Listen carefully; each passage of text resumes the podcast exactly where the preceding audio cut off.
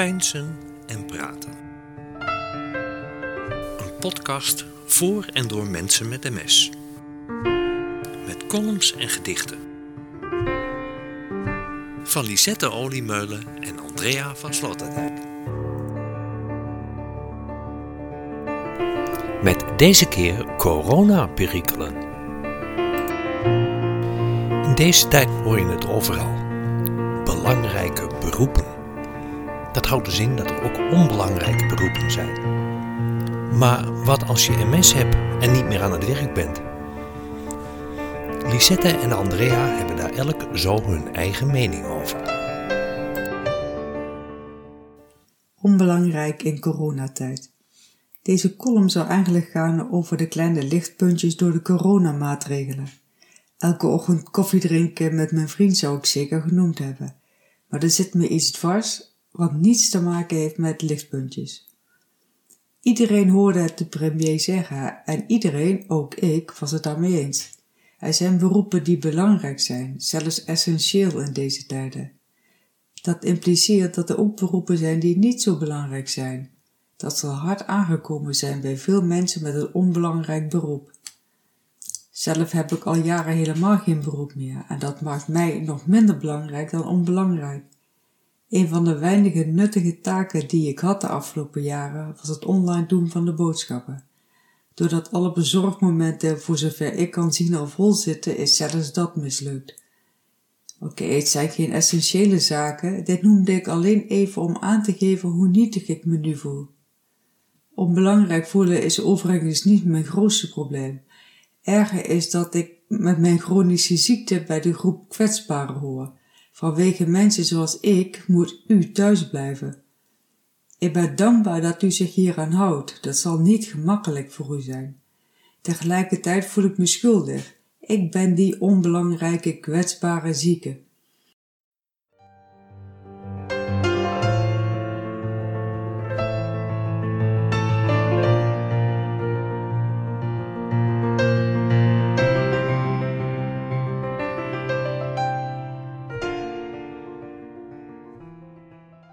Weet je dat ik nooit zo dat me gerealiseerd had, die laatste column die je geschreven had, dat je belangrijk en onbelangrijk bent, zoals Rutte dat uh, uh, zei.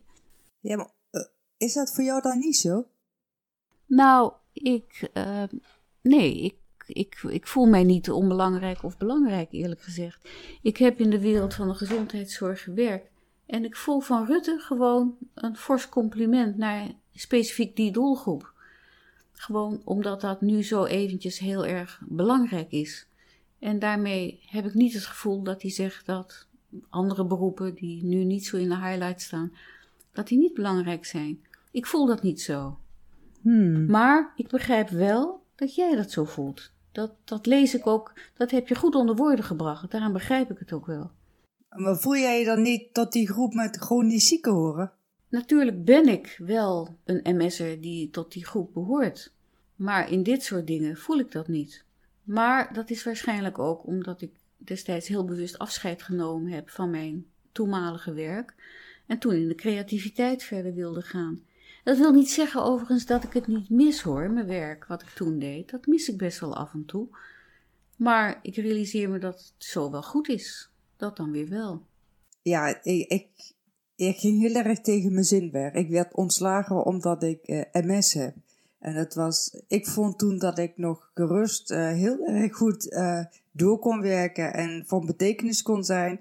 En zij zei, ja, maar dit wordt alleen maar erger. En, en toen kon ik gaan. Ja, dat lijkt mij ook wel heel erg heftig. Bij mij ging het niet zo. Ik was nog volop bezig en niemand had enig probleem met mijn functioneren. Maar ik merkte zelf dat ik met name minder goed liep. In mijn functie was het wel belangrijk dat ik snel ergens naartoe kon gaan.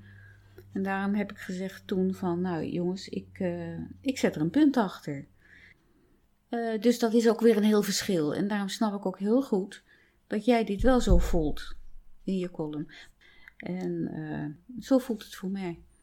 Ja, ik denk dat, ik, dat het voor mij nog erg gevoelig ligt en dat ik daarom ook zo reageerde op die woorden van Rutte. Zo van, oké, er zijn dus kennelijk beroepen die jij niet zo belangrijk vindt. En ik heb helemaal geen beroep, dus ik ben nog onbelangrijker. Nou, lekker dan. Dus ik denk dat er meer zo onder de oppervlakte meer het probleem was dat ik gewoon helemaal niet geaccepteerd heb dat ik uh, destijds uh, eruit gezet ben.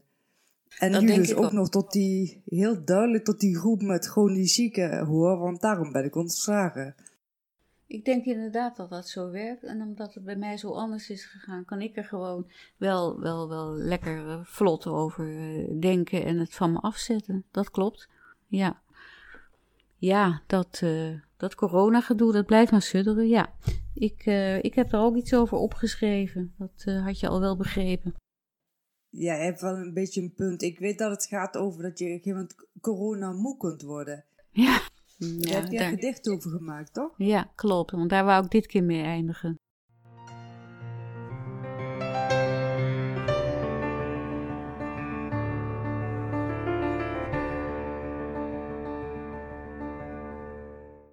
Corona moe.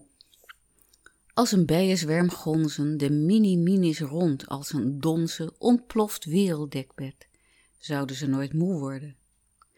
De vierde sfeertjes dwarrelen een bonte dans, blijven zoeken naar een nieuwe strooikans, van onder naar boven, links, rechts, dol op mensen, de winkelwagen, de tas en de zwaaiende hand die, te dichtbij, allang op vruchtbare bodem is geland. Nee, die zijn nog lang niet moe.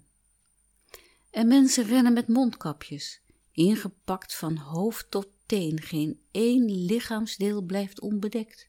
Of toch één, Nee, twee ogen kijken vrij van lok, maar wel erg down. Zouden die nooit moe worden? Ja, wij mensen zijn allemaal heel erg moe. We willen corona stoppen. We weten alleen nog niet hoe.